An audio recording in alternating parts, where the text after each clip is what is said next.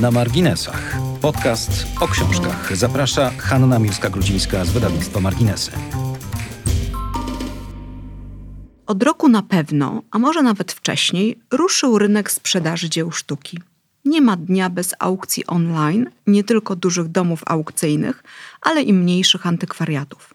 Sztuka sprzedaje się dobrze, a w zaprzyjaźnionej pracowni opraw i ram z Piaseczna z Warszawy, Mabelini Delio, czas oczekiwania na oprawę bardzo się wydłużył, a pracownia oprawia dzień i noc. Polacy kupują sztukę. Jednak kupowanie sztuki, wartościowych obrazów, rysunków, grafik czy ilustracji ma też swoją ciemną stronę. Ta ciemna strona nazywa się falsyfikat i pewnie na skutek podaży wzrósł też popyt na kopie. Naszym gościem w podcaście na marginesach jest dziś pani Anna Suwała, rzeczoznawca Ogólnopolskiej Rady Konserwatorów Dzieł Sztuki do spraw kopii i Polskiej Izby Artystów Konserwatorów Dzieł Sztuki. Jest absolwentką Wydziału Konserwacji Dzieł Sztuki ASP w Warszawie, a specjalizuje się w konserwatorskiej kopii XIX-wiecznego malarstwa, metodyce rozpoznawania falsyfikatów i popularyzowania niszowej sztuki polskich twórców, którą także kolekcjonuje. Dla marginesów pisze książkę o polskiej ilustracji, której jest wybitną znawczynią.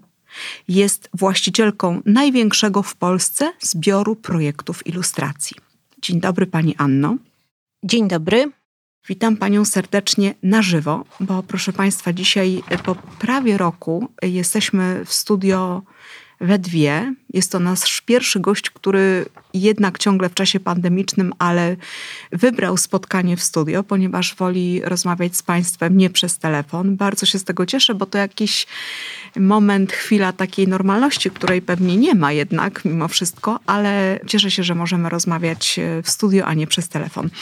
Pani Anno, przez 30 lat już, kopiowała Pani oryginały obrazów w Muzeum Narodowym w Warszawie. Czy specjalizowała się Pani w jakimś okresie? Tak. Tak jak e, pani już była uprzejma e, zaznaczyć, e, mnie najbardziej intrygowały wówczas obrazy końca XIX wieku, dlatego że zawadzały już o nowoczesne, momentami o nowoczesne myślenie plastyczne, a równocześnie były to obrazy artystów wyposażonych w dogłębną wiedzę anatomiczną, czyli byli to 300% realiści, ja bym powiedziała tacy zamaszyści realiści, bo mm, nie każdy obraz XIX-wieczny też był bliski mojemu sercu. Ja lubiłam te temperamentne, tam gdzie było mocne przyłożenie pędzla. Ale ośmielam się jeszcze sprostować jedno nieporozumienie, bo moi koledzy kopiści przestali mi podawać rękę po tym programie. Otóż nie można postawić znaku równości, tak jak pani to zrobiła we wstępie, pomiędzy kopiami i falsyfikatami. Mhm. Kopie nie ukrywają tego, że kopiami są. Falsyfikaty czasami są w poprzednim życiu kopiami. Niestety tak się zdarza. Moja kopia jako oryginał Malczeskiego stawała w domu aukcyjnym. Też niestety mój Malczeski został sprzedany z ekspertyzą pani rzeczoznawcy, z pieczątką rzeczoznawcy, która mam nadzieję, że za to odpowie kiedyś w karnym procesie. Mhm. A proszę powiedzieć, e, wrócimy do tego, bo to oczywiście jest bardzo ciekawe zwrócenie też uwagi na to, że nie wolno tych rzeczy w żadnej mierze w jednej wypowiedzi połączyć, bo są rzeczywiście o czym innym, ale wie pani, niezwykle fascynuje mnie pani zawód ten pierwszy. Co to znaczy zostać kopistą? Dlaczego artysta, który kończy Akademię Sztuk Pięknych i wybiera dział dla życia swojego i dla pracy konserwatorski, postanawia zostać kopistą. Czy to znaczy, że pani ma w sobie taki talent, którego nikt inny nie ma? Czy pani go odkryła w czasie studiów? Czy pani się zachwyciła tym, że można kopiować i że pani umie to robić?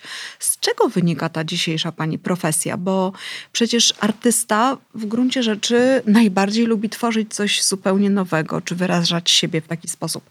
Czy to jest pani wyraz artystyczny? Kopiowanie yy, obrazów? Nie, to jest e, za mocno powiedziane i takiego pierwiastka megalomańskiego zachwycenia się własnymi możliwościami tutaj na tej mojej drodze zawodowej nie było.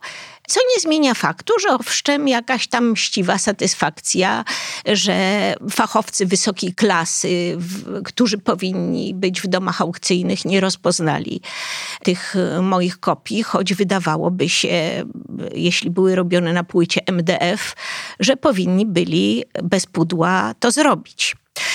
Natomiast kopia jest przedmiotem na Wydziale Konserwacji e, po prostu dlatego, żeby e, w momencie, kiedy e, zaczynamy konserwować uszkodzony obraz, wiedzieć, z jakimi warstwami mamy do czynienia. Obrazy jeszcze niektóre nawet do okolic I wojny światowej miały pewne zasady swojej budowy technologicznej.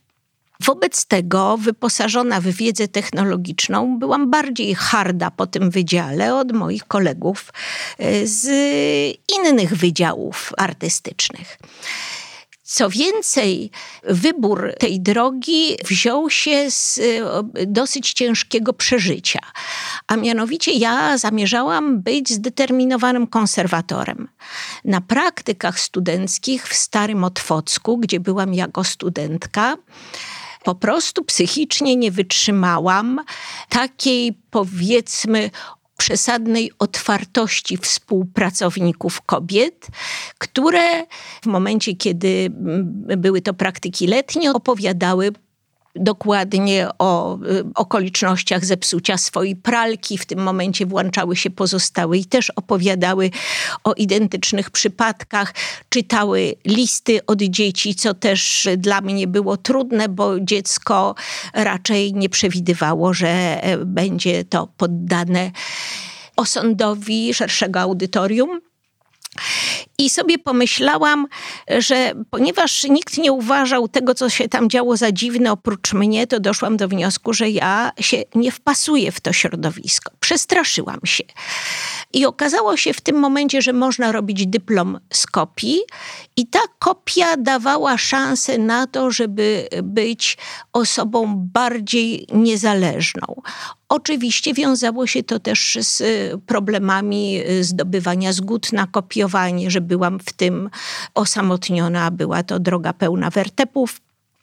Ale mimo wszystko nie żałuję, bo okazało się w trakcie kopiowania, że wychodzą rzeczy absolutnie emocjonujące, których wcześniej e, mhm. nie miałabym jako widz, a nawet dociekliwy tak, widz szansy tak, zobaczyć. Tak, o tym już wiem i to będzie jedno z pytań, do którego powrócimy.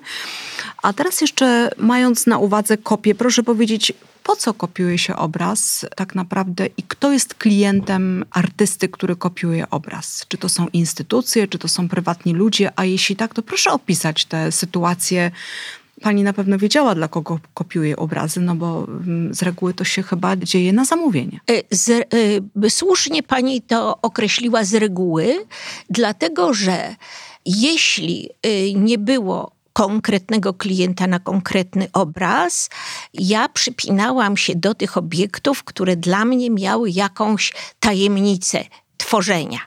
I chodziłam koło nich od nie wiadomo kąt, y, węszyłam, bardzo mi się y, z różnych powodów podobały.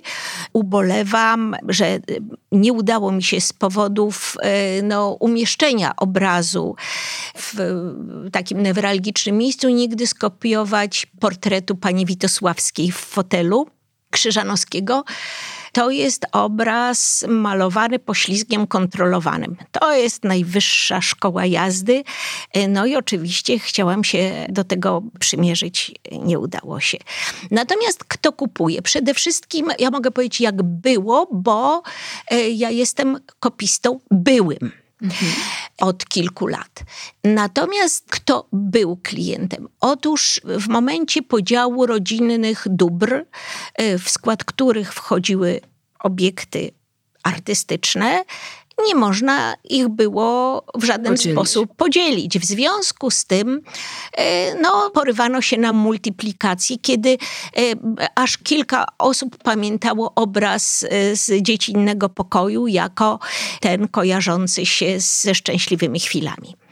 W pewnym momencie nawet zamawiało samo muzeum, wtedy kiedy zaczęły się zwroty oryginałów właścicielom, i gdy zdarzali się właściciele, którzy zgadzali się przyjąć kopię w zamian za zdeponowanie i pozostawienie nadal obrazu w Muzeum Narodowym.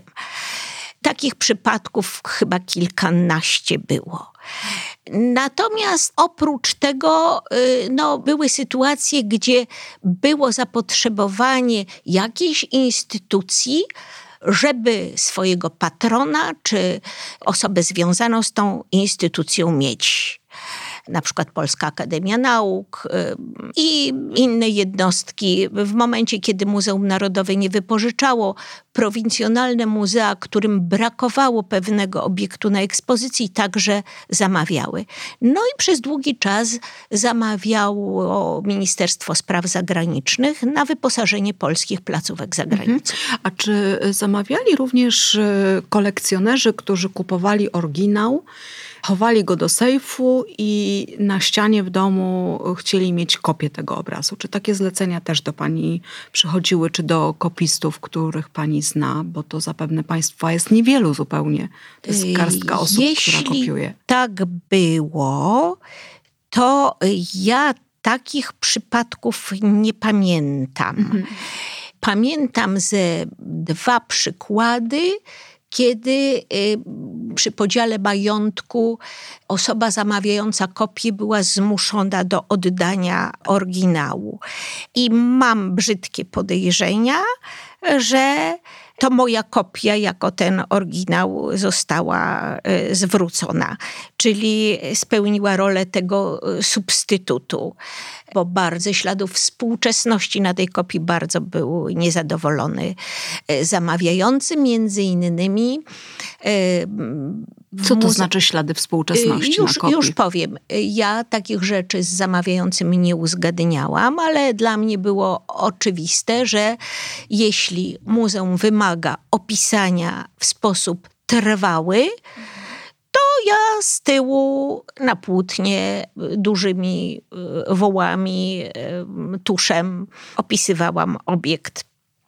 Y, Tego nie przewidział y, Bo pani również ten obraz opisała, mm, podpisała swoim nazwiskiem też, rozumiem, tak? Jako Y, kopist. Do pewnego momentu wolno było to robić i ja podpisywałam y, swoim nazwiskiem, ale liternictwem rzeczywistego autora. Do złudzenia, były to mocne znaki plastyczne i do złudzenia rzeczywiście przypominały. Potem dosyć skomplikowało się prawo autorskie, no bo ja zaczynałam kopiować w roku 76. W momencie Nie- nieuregulowanego tak, prawa tak. autorskiego. Y, Tak, i myśmy wtedy, nikt nie ukrywał tego, że kopia jest kopia, ja jestem autorem i podpisywałam najwyżej Anna Suwała według na przykład Kossaka lub kopia Anna Suwała. Było to na odwrociu. Nie, nie, nie. Na To było na licu, dlatego że bardzo często podpis autora oryginału był na tyle mocnym i wyrazistym znakiem plastycznym, że jego ubytek stanowił y, jakiś no, dyskomfort niekompletności. Czyli ja markowałam tamtym liternictwem, ale umieszczając swój własny podpis. Więc rodzi się tutaj następne pytanie, Pani Anno. Co można, a czego nie wolno kopiście? Staram się do, dogłębnie ten temat poznać, ponieważ no, tak jak zwróciła Pani uwagę na początku, jakoś jest wiele nitek, które te kopie potem z falsyfikatem łączą gdzieś, na który, jakichś poziomach.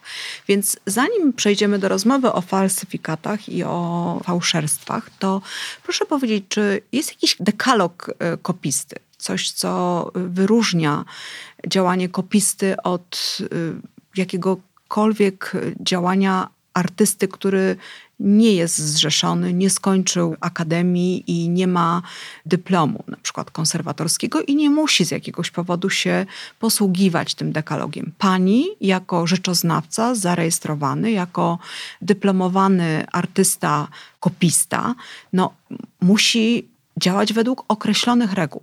Jakiekolwiek przekroczenie ich spowoduje dla pani duże kłopoty. Y no więc y, od razu powiem, że jestem zdumiona faktem, że mnóstwo galerii niemalże y, ma na stałym wyposażeniu kopię Tamary Łempickiej. Y, jest to troszeczkę niezasłużona nobilitacja wykonawców tych w założeniu kopii, y, dlatego że no, kopie to nie są. To jest wołanie o pomstę najczęściej. Czyli Tabara Łempicka, e, stale obecna, kopiowana być nie powinna, z bardzo prostego powodu, że e, nie upłynął odpowiedni okres od e, jej śmierci, który by. E, zwolnił prawa autorskie. Tak, zwolnił prawa autorskie. W Muzeum Narodowym niestety pewne obrazy były dla mnie od pewnego momentu niedostępne, bo ten okres się coraz bardziej wydłużał. Liczony, o tak jak mówię, nie od powstania obrazu, tylko od śmierci artysty. W związku z tym muzeum takich zgód nie wydawało. To było pierwsze, co sprawdzały inwentarze w momencie, kiedy ja występowałam o zgodę. Natomiast pyta pani, czym się jeszcze ta kopia powinna charakteryzować.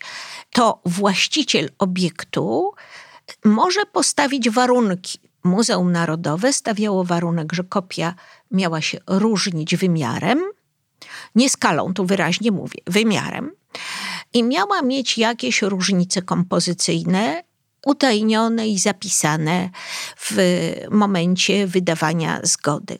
Żeby w momencie, kiedy to wypłynie na rynek, można było sprawdzić, czy rzeczywiście jest to jakaś replika, czy Zresztą nigdy Malczewski, bo, bo tutaj akurat Malczewski mi chodzi po głowie, takich replik tak dosłownych nigdy nie robił. Mhm. Zatem, Pani Anno, przechodzimy płynnie do sprawy fałszerstw i trzeba też podkreślić, że ta Pani umiejętność, e, myślę, talent jednak kopiowania obrazów e, spowodowały, że Pani oko wyczuliło się na fałszerstwa, na falsyfikat. Co trzeba widzieć, żeby dostrzec ten falsyfikat. Czasami w trakcie naszych wielu już rozmów opowiadała Pani różne tego typu historie zwróciłam uwagę na to, że Pani nie zabiera to wiele czasu. Zwraca Pani uwagę na szczegół, odnosi Pani ten opisywany szczegół do, do tego, jak wygląda na właściwym obrazie, czyli poza no po prostu doskonałą znajomością historii sztuki i obrazów i właściwie takiego poruszania się zupełnie swobodnego po historii sztuki, to chyba trzeba mieć jeszcze coś. Coś, co pani, coś, czego my w ogóle nie mamy, nie widzimy i choćbyśmy się uczyli tego wiele lat, również nie będziemy mieli. Znów muszę zaprotestować. Mhm. Ja się nie poruszam swobodnie po historii sztuki. Mhm. Mam tę wiedzę bardzo przesadnie nawet kompletną, ale w wybiórczych, e, dotyczącą wybiórczych nazwisk, czy no tak, bo pani się specjalizuje w pewnej e, dziedzinie. okresów. Natomiast e, absolutnie nie mam tego szerokiego spojrzenia. Co trzeba wiedzieć? Przede wszystkim proszę pamiętać, że ja tych kopii nie robiłam sama. Swego czasu e, na tym balkonie, gdzie myśmy kopiowali, kopiowało nas. Co to znaczy na balkonie? E, w sensie topograficznym. Bo ja to wiem, ale słuchacze sensie, nie wiedzą. Tak, Pani... w, sensie, w sensie topograficznym od wielu, wielu lat kopistom E, pozwalano kopiować na najwyższym balkonie, na najwyższej kondygnacji. To było miejsce ogólnodostępne e, dla zwiedzających pod szklanym dachem, świetnie oświetlone. Państwo kopiowali z oryginału? Kopiowaliśmy, tak jest, kopiowaliśmy z oryginałów, które były tam powieszone w tym celu na ścianie. I w związku z tym ja miałam okazję zobaczyć nie tylko, jakie błędy ja robię, gdzie się potykam, Ale jakie błędy robią też moi koledzy? Okazało się, że pewien zespół błędów robimy wszyscy razem. Czyli oraz fałszerze w takim razie również. Czyli ja zawsze e, robiłam swój własny błąd. Moja kopia była zawsze mniej taka mydlana miękka, była troszkę za twarda, za intensywna w stosunku do oryginału. Kolega z kolei e, wymydlał e, i wygładzał to, co gładkie w oryginale nie było. Oczywiście ja mówię nieco przesadnie, dlatego że to było widoczne dla nas fachowców, a nie e, dla odbiorcy. Także my oprócz tego, że byliśmy w stanie rozpoznać kopię, to jeszcze rozpoznawaliśmy nawzajem swoje kopie. Wiedzieliśmy, e, kto też mógł to robić. Ale zespół, pewien zespół błędów robią wszyscy. Kopie są bardziej tęczowe. Kopie są Co to znaczy tęczowe? Tęczowe to znaczy... Mają żywsze kolory? Nie żywsze. To znaczy, że mieni się większą liczbą kolorów ta kopia niż w oryginale. Ta wstrzemięźliwość artysty najczęściej nie jest udziałem kopistów. Mhm. Również no, są błędy, które zauważone są już do uniknięcia, kiedy się robi z y, oryginału, ale żeby nam starczyło czasu, przechodząc od razu do falsyfikatów, to po prostu warto się zastanowić, jak wyglądało dawniej szkolenie. Nawet biorąc pod uwagę, że falsyfikat robiłby e, współczesny artysta plastyk z dyplomem akademii, to nie ma szkolenia realistycznego, czyli nie potrafią narysować czy namalować jabłoni w sadzie tak, żeby te gałęzie pod odpowiednim kątem wyrastały z pnia, żeby były określone prześwity między gałęziami, czyli ta korona, żeby była e, odpowiednio gęsta. W związku z tym fałszerz najczęściej robi drzewo marki drzewo. To jest niemalże e, regułą przy wszystkich mm, obrazach Richterianowskiej, tam gdzie u Janowskiej widać, nawet kiedy drzewo jest bezlistne, czy przysypane śniegiem, widać z jakim drzewem do czynienia mamy. To samo u Czajkowskiego i u, u wszystkich, krótko mówiąc, artystów końca XIX i początków jeszcze XX wieku. Wystarczy jeden rzut oka, żeby zdiagnozować, nie będąc botanikiem, na jakie drzewo patrzymy. Tej umiejętności już współczesny fałszerz nie ma. Patrzę na braki anatomiczne. Zazwyczaj takie dłonie są taką probieżą, dlatego że dość dowolnie stawy są rozmieszczone. Czasami są nawet o jeden staw więcej, czasami o jeden staw za mało. Wyglądają tak jak strączki grochu czyli z bardzo przypadkowo tymi zgrubieniami rozmieszczonymi. Co więcej, fałszerz wtedy, kiedy już nie musi wyjaśniać, co na obrazie jest, chętnie pewne elementy pomija e, z czystej oszczędności. Malowanie tych elementów to jest czas. Poza tym, jeśli maluje z reprodukcji, to często te elementy giną na niedoskonałościach reprodukcji. I to jest też kolejna probierz, a mianowicie warto się przypatrzeć tym elementom, które zginęłyby na niedoskonałej reprodukcji.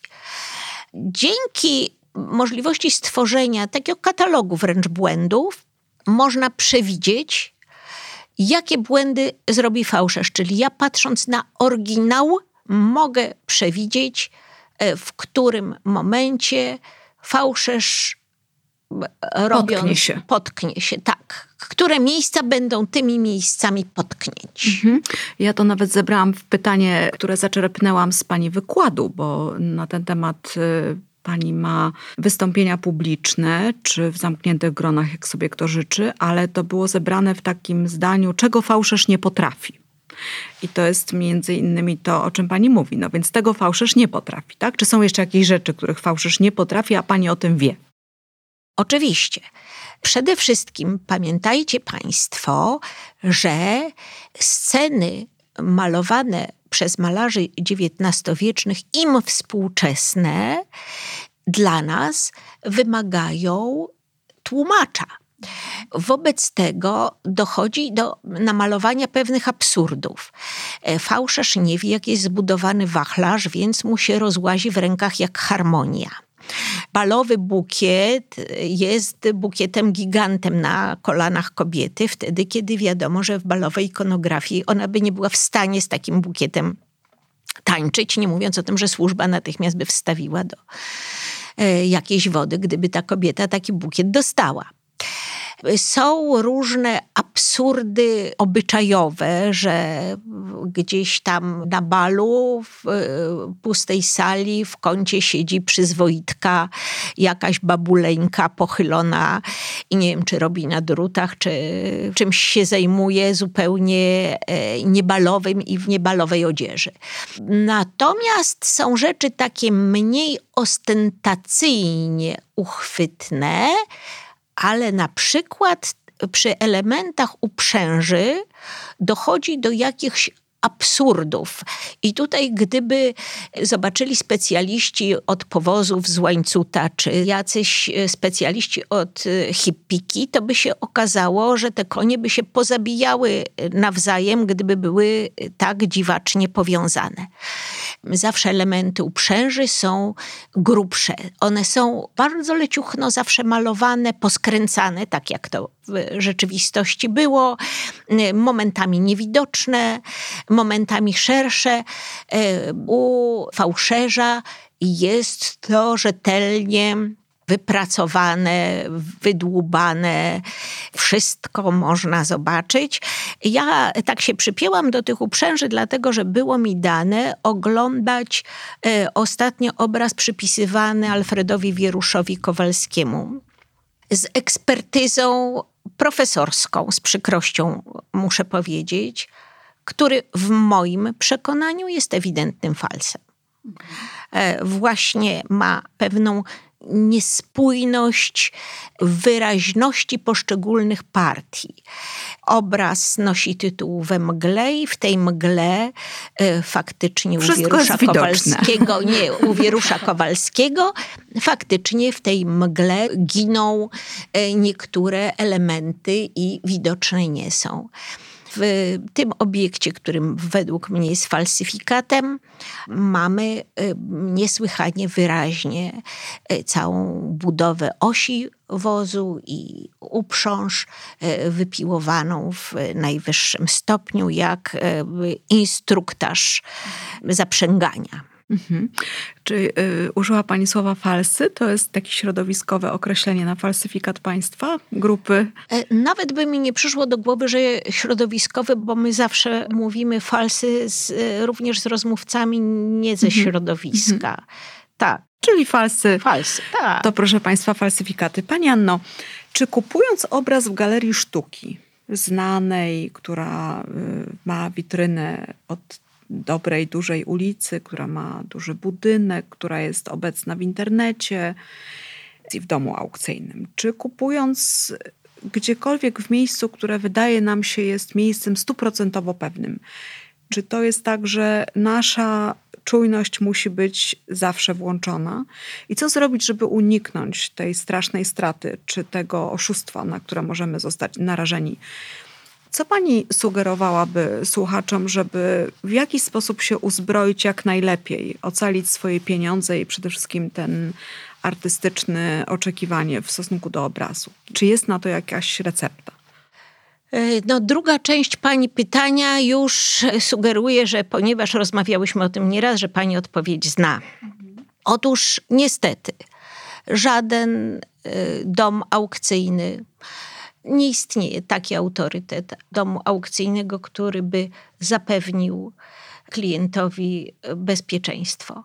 Przecież ten y, mój Malczeski został wydany w katalogu. On nie stanął na aukcji tylko dlatego, że spanikowany i e, przerażony człowiek, który kupił ode mnie kopię, uświadomił sobie, że w tym momencie e, bardzo możliwe, że on poniesie potworną odpowiedzialność wobec tego. Czyli to zostało świadomie wstawione do domu aukcyjnego jako kopia.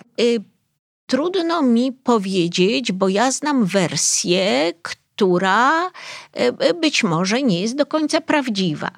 E, rzecz odbywała się w środowisku ludzi zdecydowanie niebiednych, w związku z tym e, dla żartu kopia została podpisana przez nabywcę flamastrem malczeski i wręczona na imieniny z Rozumiem. tego środowiska. Dla podpisującego było oczywiste, że jest to flamaster i że to jest żart. Najprawdopodobniej obdarowany tak tego nie potraktował. E, Z tym, że Że muszą mówi- sobie państwo tamci dawać wspaniałe prezenty. E, No więc trudno mi. e, Parokrotnie chyba kopia zmieniła właściciela.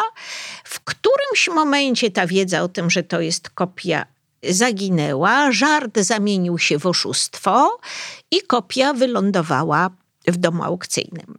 Ja podniosłam krzyk, e, jak się zorientowałam, zaczęłam wydzwaniać, ale w tym czasie już przestraszył się ten pierwszy nabywca, który wykupił kopię za cenę wyższą. Dom aukcyjny się zgodził wycofać i ta osoba, która wstawiała, zgodziła się na cenę wyższą od wywoławczej, ale za cenę wycofania obiektu z aukcji. Było to kilkadziesiąt tysięcy złotych.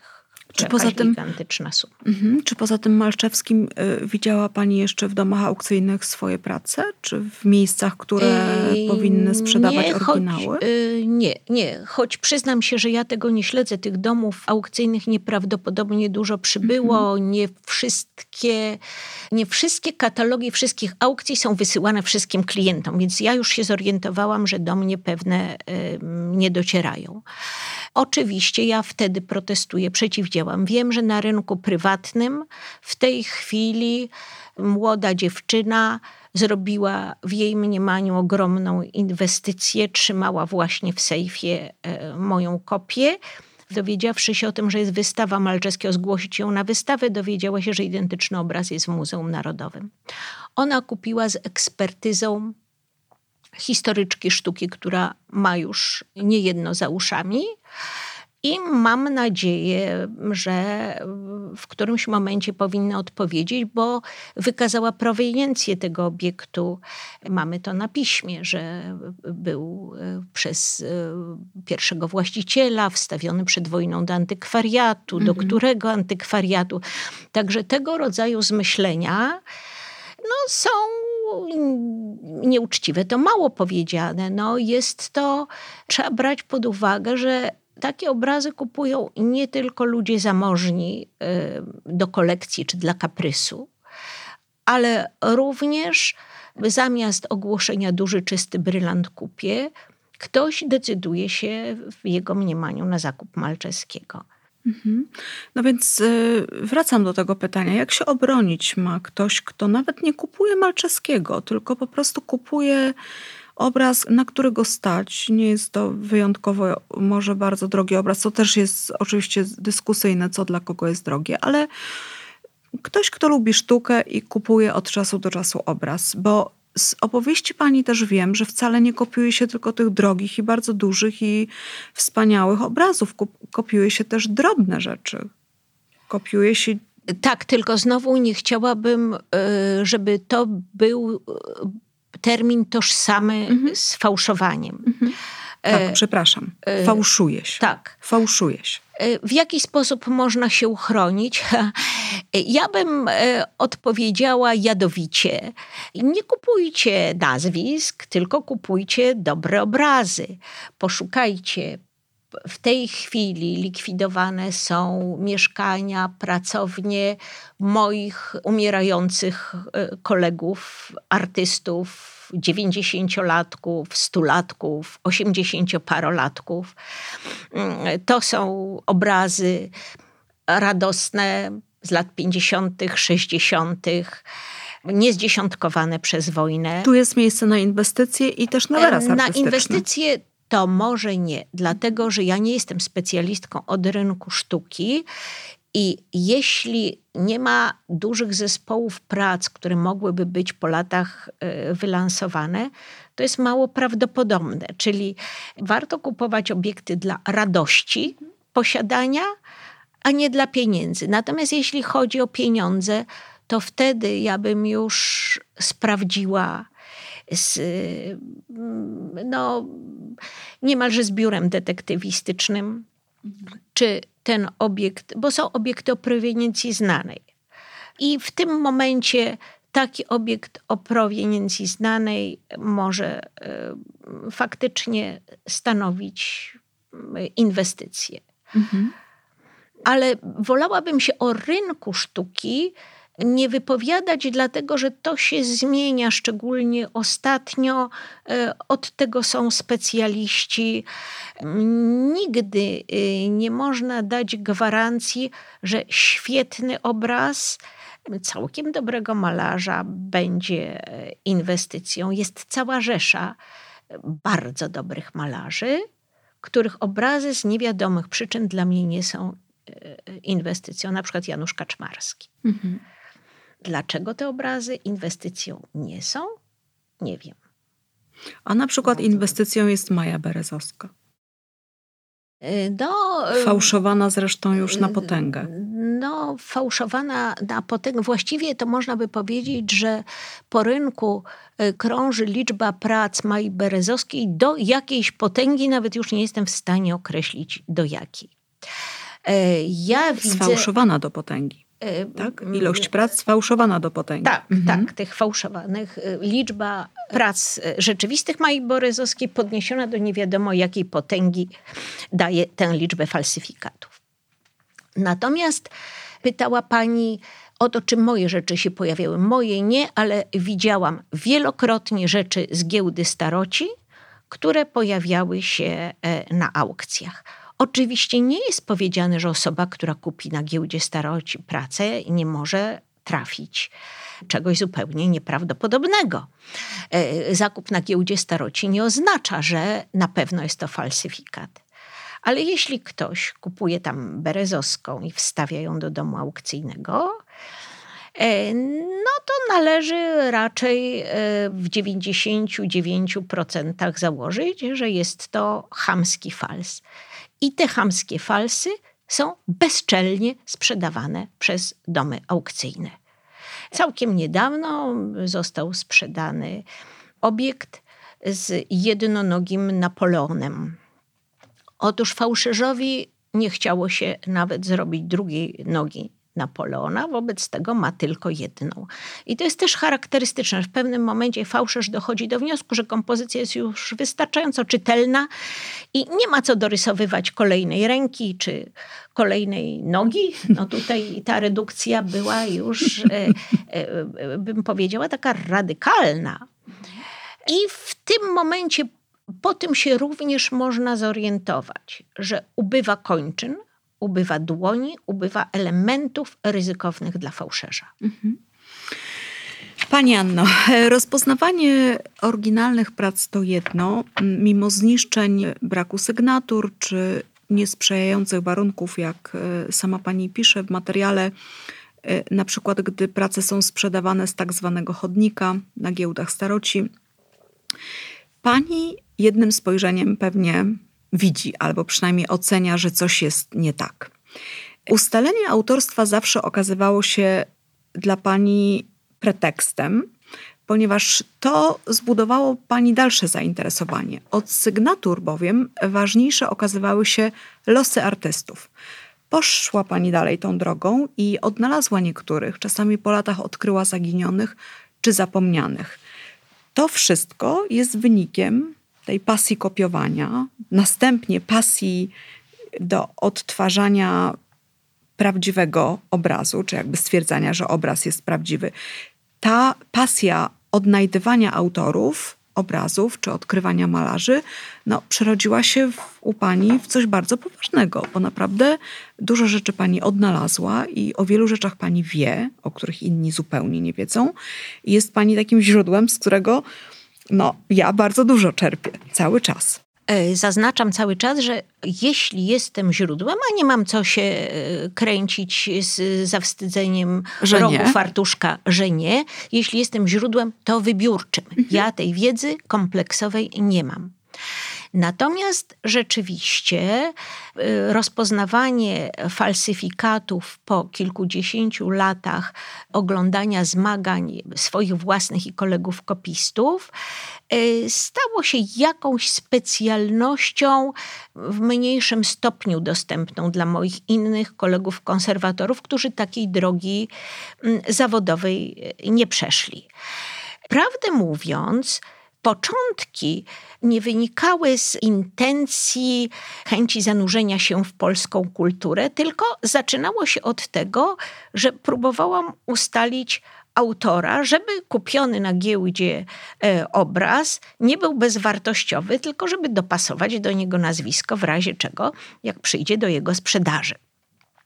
I w tym momencie, czyli chciałam odpowiedzieć na pytanie, czy ja jakąś wartość mam oprócz tego, że obraz mi się podoba. Czyli intencje były Przepraszam bardzo... Pani Aniu, bardzo jest y, piękne, żeby podkreślić to, że jakby to Pani zainteresowanie wynika przede wszystkim z tego, czym tak jak Pani radzi kupujący sztukę powinni się kierować, czyli przede wszystkim tym, czy obraz się nam podoba żeby zwrócić uwagę na to, czy my się z nim dobrze czujemy, czy jego artystyczne wyrazy są dla nas jasne i dla nas dobre. I rozumiem, że pani się tym kierowała całe życie. Tak, mhm. nigdy nie kupiłabym obiektu, który by mi się nie podobał albo jakoś tam mnie nie rozdrażnił, nie zirytował. Wiedziałam, że skądś znam. emocje. A nie wiem tak, a nie wiem skąd. Mhm. Y, zanim jeszcze wszedł internet, na giełdzie staroci można było rzeczywiście kupić zupełnie rewelacyjne obrazy. Potem po wejściu internetu niestety już nie bo te rzeczy były wrzucane z zapytaniami przez handlarzy, którzy nabyli, i zawsze ktoś tam był w stanie pokierować, rozpoznać. Nie mówiąc o tym, że jak się zaczął handel internetowy, to te obrazy nierozpoznane były wyposażane przez e, handlarzy nazwiska atrakcyjne handlowo i pod takimi nazwiskami były y, też sprzedawane. Jako odkrycia, rozumiem, malarskie też, tak? No, tak, jako powiedzmy, jeśli już jakieś nazwisko pojawiało się na aukcjach, to raptem się okazywało, że obiekt niepodpisany przez dwie niedziele e, okazywał się być podpisany trzeciej niedzieli jakimś dobrym handlowym nazwiskiem. Oczywiście też to nie jest reguła. Ja takie facecje opowiadam nie generalizując, ale takie rzeczy rzeczywiście się zdarzały. Wracając teraz do tego wątku, który pani przerwałam, odkryła pani nazwisko malarza, przywróciła pani obrazy do kanonu. Y, to troszkę za dużo powiedziane. Natomiast w pewnym momencie udało mi się e, razem z kolegą zapaleńcem, też zakręconym tak jak ja, kolegą z liceum jeszcze, odkryć zbiór e, wileńskiego malarstwa e, z pracowni Ślędzińskiego i były, to, to była na tyle skomplikowana historia, że tutaj nie nadaje się e, do opowiadania. Fakt, że sygnatury były powycinane i trzeba było dojść do tego, co to jest. Poświęciliśmy na to z kolegą prawie trzy lata. I nawet wtedy, kiedy niektóre obrazy już były sprzedane, to myśmy dalej tropili i próbowali ustalić. Udało nam się wytropić autorkę większości z nich, wileńską studentkę, absolwentkę Wydziału Sztuk Pięknych Uniwersytetu Stefana Batorego w Wilnie z 1938 roku, Izabelę Borowską. Wtedy jeszcze, to było chyba w roku 2000, ale w tej chwili nie dam się pokrajać, jeszcze żyły dwie osoby, Barbara Huwaltowa, z e, przedwojennych, kształconych na tym wydziale Wilnianek. I jeszcze żyła Aldona Romanowiczowa, z którą udało mi się jeszcze rozmawiać. Mhm. E, I tak krok po kroku udało się ustalić wszystkich artystów. Mhm. Była to nieprawdopodobna frajda, mnóstwo o tym Wilnie się dowiedziałam. A my wszyscy z panią. E, ogromnie, ogromnie żałowałam, że studiując dwa lata w Toruniu, e, nie miałam wystarczającej wiedzy, że jestem spadkobierczynią tego Wilna. Mhm. No tak to czasami się dzieje. Pani Anno, czy nie nadużyję teraz tego zdania słowa? E, wydaje mi się jednak, że miłością pani życia okazała się ilustracja. E, ma pani największy zbiór w Polsce ilustracji, a dla marginesów pisze pani książkę o ilustracji. Powiem to bardzo ogólnie, bo nie chcę zdradzać żadnych szczegółów, będzie to po prostu rzecz niesamowita zupełnie. Dlaczego ilustracja stała się, przynajmniej w tym momencie życia, dla pani ważna? Co się takiego zadziało, że skończyła pani kopiować obrazy mm, i oddała się pani absolutnie w całości polskiej ilustracji? To też nie było od razu. Mhm. Na początku okazało się, że można niedrogo kupować grafiki z lat 50. i 60. E, ja kupowałam, nie kierując się zupełnie nazwiskami, te grafiki, które w jakiś zabawny sposób, a jednocześnie posadawiając się stylistycznie dokładnie w swoim czasie, dokumentowały obyczajowość tamtych lat. Czyli było to dla mnie, e, bo zapomniała pani powiedzieć, albo z elegancji tego nie zrobiła, że ja jestem taką wczesną staruszką, 66-letnią. Wobec tego moje um, dzieciństwo przypadało właśnie na lata 50. i te realia w jakiś sposób, łącznie z tą estetyką, dawały oprócz radości artystycznej tę warstewkę sentymentalną. Okazało się, że w moje ręce zaczęły trafiać też ilustracje i się okazało wówczas, że ta warstewka sentymentalna no, oddziałuje nieprawdopodobnie.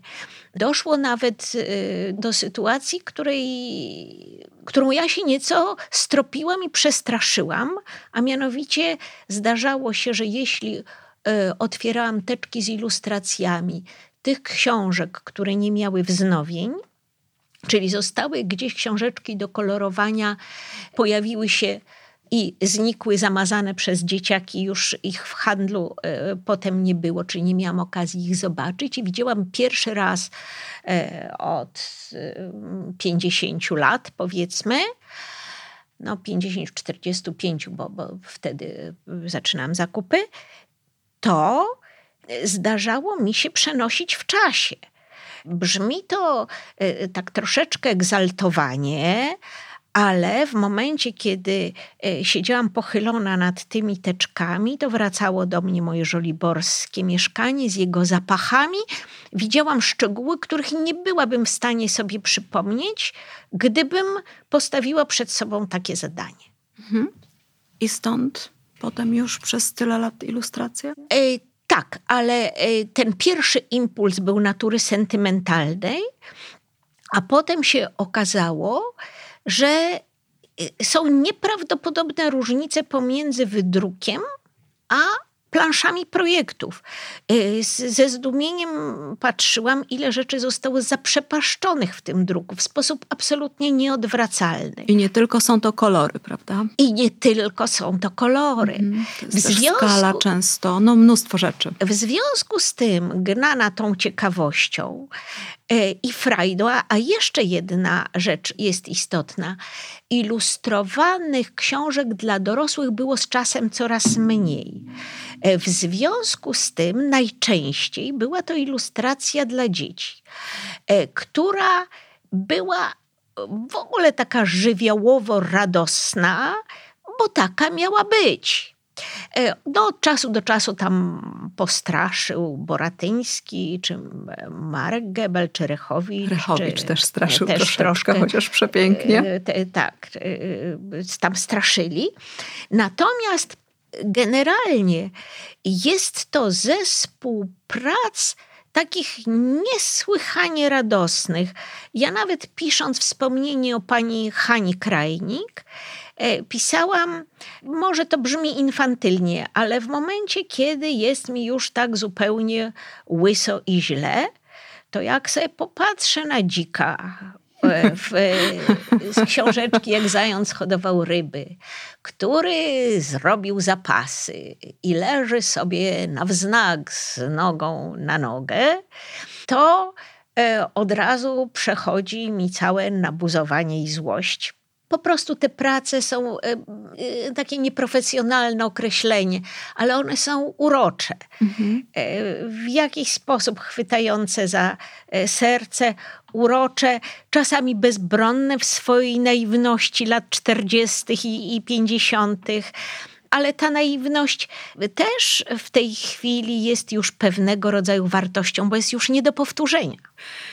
Muszę absolutnie w stu procentach przyznać Pani rację. Jestem tak samo pod urokiem tych rzeczy, również dzięki Pani. Musimy postawić też tutaj kropkę, ale przyrzekam Państwu, że uda mi się, mam nadzieję, namówić Panią Annę Suwałę na cykliczne rozmowy o ilustracji. To jeszcze chwilę nam zajmie. Pani Anna musi skończyć pracę nad książką, która dla Państwa będzie niezwykłą podróżą i niezwykłym przeżyciem. Dla wszystkich nas, którzy już czekamy na e, nowe informacje o polskiej ilustracji. Taka książka jest już, e, jest już prawie e, skończona.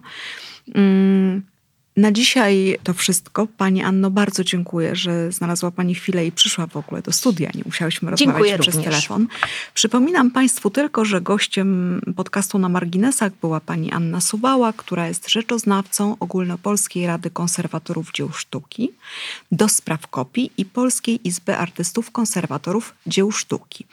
Przede wszystkim jednak dzisiaj jest autorką wydawnictwa Marginesy, która przygotowuje nową książkę i mam nadzieję e, przyszłą też e, lektorką w podcaście na Marginesach, kiedy zdołam panią Annę namówić o wspaniałe rozmowy o polskiej ilustracji, bo takich rzeczy państwo jeszcze nie wiecie i nie słyszeliście do tej pory. Dziękuję, to wszystko przed nami. Szalenie jeszcze raz Pani dziękuję, że Pani przyszła.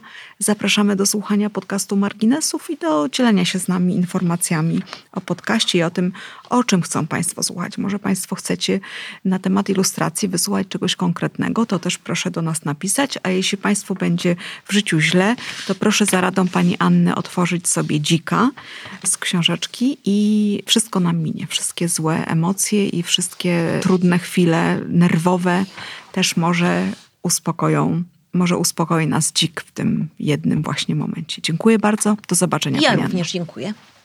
To był podcast na marginesach. Dziękujemy za wysłuchanie. Znajdziecie nas na Spotify, Google Podcasts, Apple Podcasts i na stronie www.marginesy.pl.